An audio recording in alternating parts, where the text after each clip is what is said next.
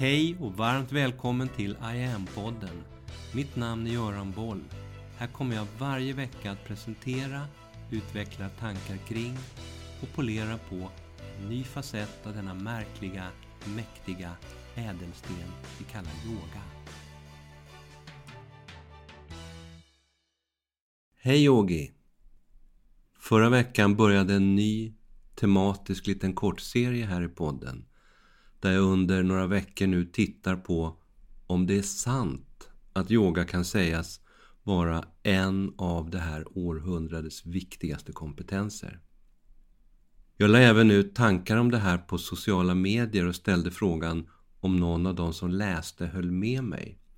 Och jag fick ett antal kommentarer som var helt med på mina noter. En sa ”Jag håller med. Regelbunden yoga är en kraftfull väg till inre kunskap, stillhet och kärlek. Och yogan låter mig också möta de mörka skuggorna som skymmer ljuset. En annan sa Jag är så glad att jag hittat den här yogan.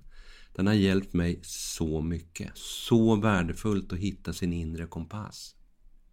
En tredje kommentar var jag kan nästan säga att för mig är det en skillnad på liv och död att ha tillgång till den här fantastiska kompetensen.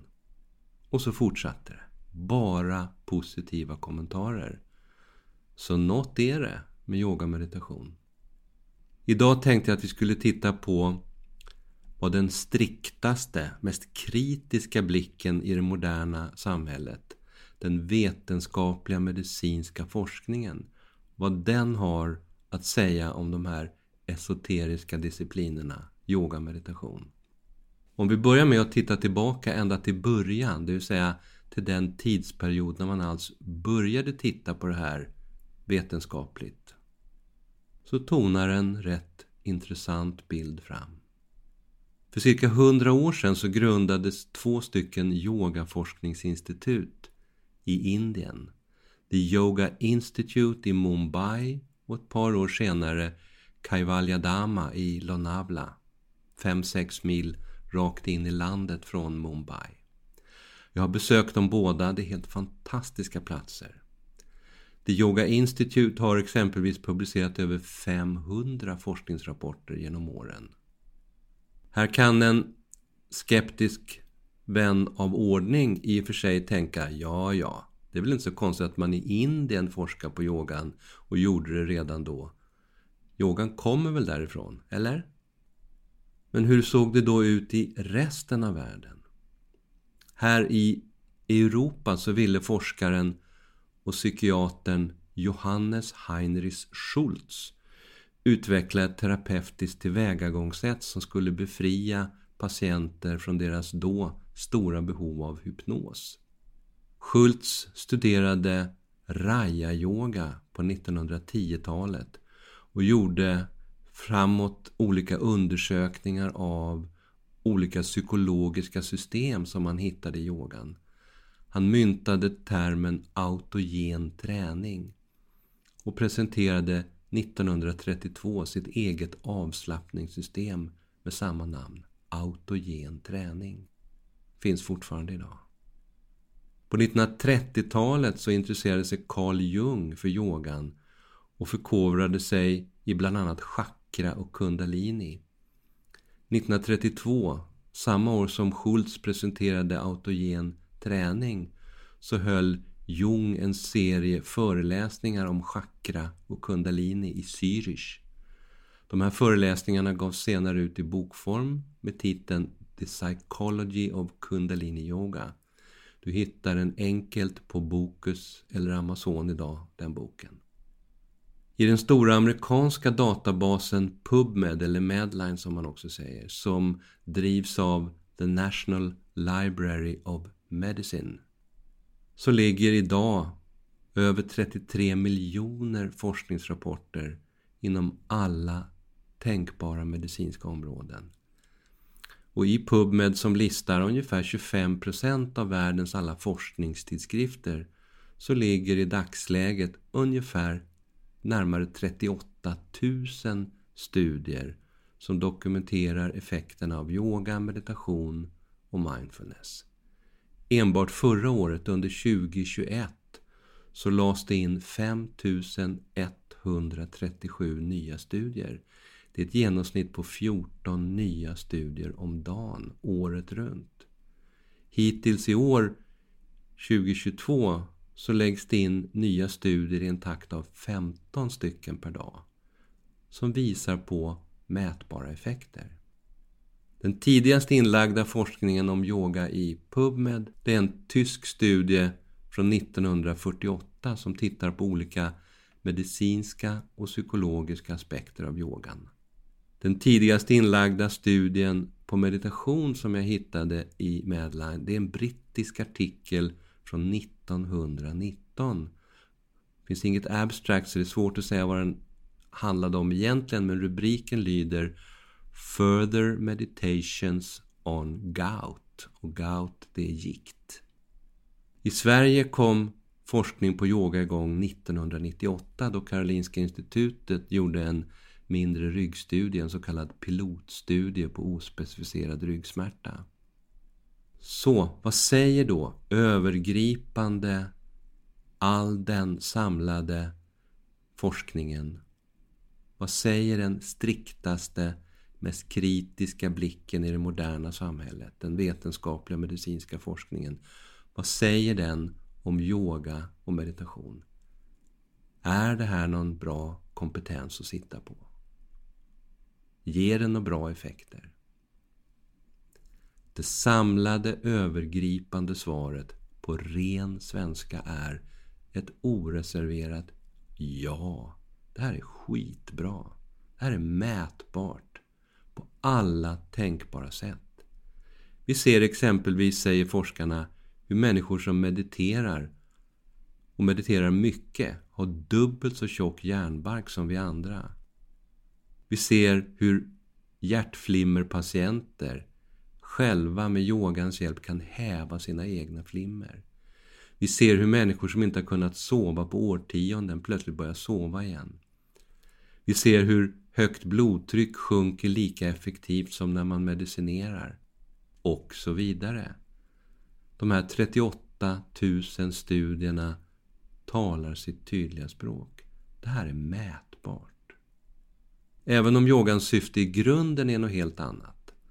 Att skapa djup medvetenhet i människan. Att få oss att i större utsträckning förstå och uppleva hela verkligheten på ett rent kvantfysiskt sätt.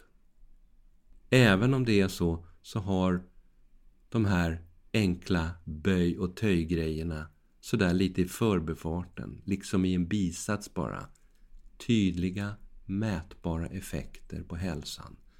Fysiskt, mentalt och emotionellt. I Sverige dokumenterat om och om igen i publicerad forskning på sådana institutioner som Karolinska institutet, Danderyds sjukhus, Karolinska universitetssjukhuset med flera. Det tyngsta vi har i forskningsväg i Sverige.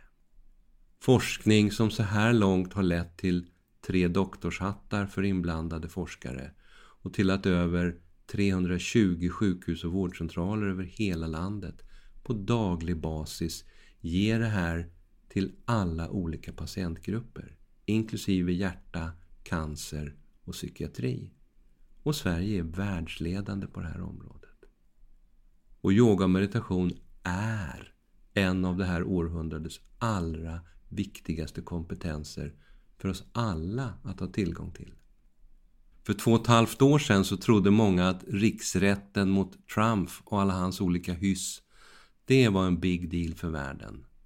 Sen kom covid-19 och dominerade våra liv fullständigt. Nu är det Ukraina-kriget, ett antagligt svenskt NATO-medlemskap och ryske utrikesministern som muttrar om risk för ett tredje världskrig.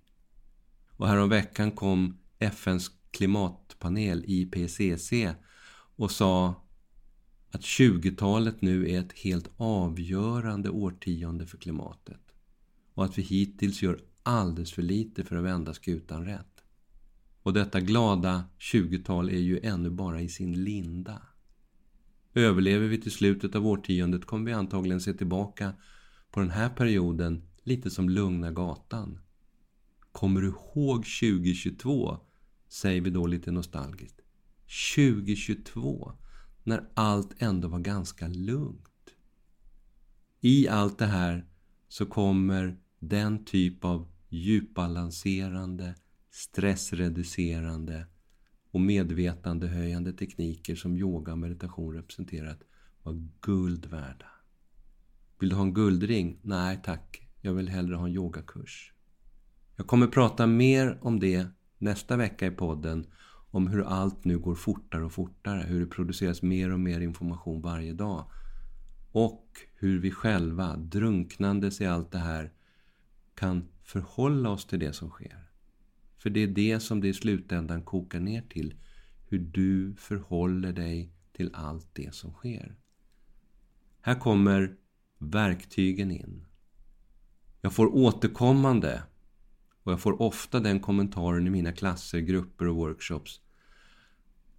Allt ifrån att yogan är som en oas, ett stormens öga där andhämtningen lugnar ner sig så fort de kommer in genom dörren. Likt Pavlos hundar så vet de vad som komma skall. Nu är det 75 minuter fokuserad egentid med centrerad balans på alla plan som gäller. Tjoho! Från det till det hon sa om att det var på liv och död för henne som jag nämnde i början, så är det här viktigt för många människor. Vill du också inspireras av och tillägna dig en av det här århundradets viktigaste komponenter och viktigaste kompetenser på dina villkor? I am som projekt har det som sitt syfte att fungera som verktygslåda för den här kompetensen, yoga och meditation. Du kan testa på iamyoga.online i en månad. Inga kostnader, ingen bindning, no strings attached. Bara att pröva. Nu är det dags att runda av det här avsnittet för Tao tittar så strängt på mig så jag förstår att jag har missat något vitalt, något helt livsavgörande. Som att fylla hans matskål eller tömma hans låda. Något är det.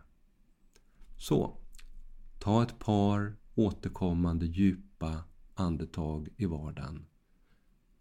Tack för idag. Vi hörs.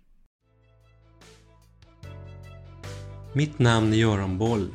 Det var jag som skapade Medyoga och grundade Medyoga-institutet.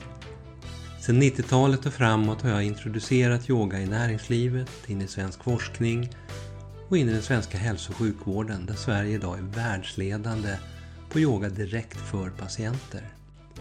Framtiden för mig handlar om I am. Yoga för medvetenhet och hälsa. Läs mer om kurser, online-träning, utbildningar med mera på hemsidan iamyoga.online. Följ oss gärna på sociala medier och tycker du om de här poddarna så tar jag tacksamt emot om du vill gå in på iTunes, Spotify och där poddar finns och ge mig ett betyg så vi blir fler som hittar in i yogans värld. Tack för att du lyssnar och delar.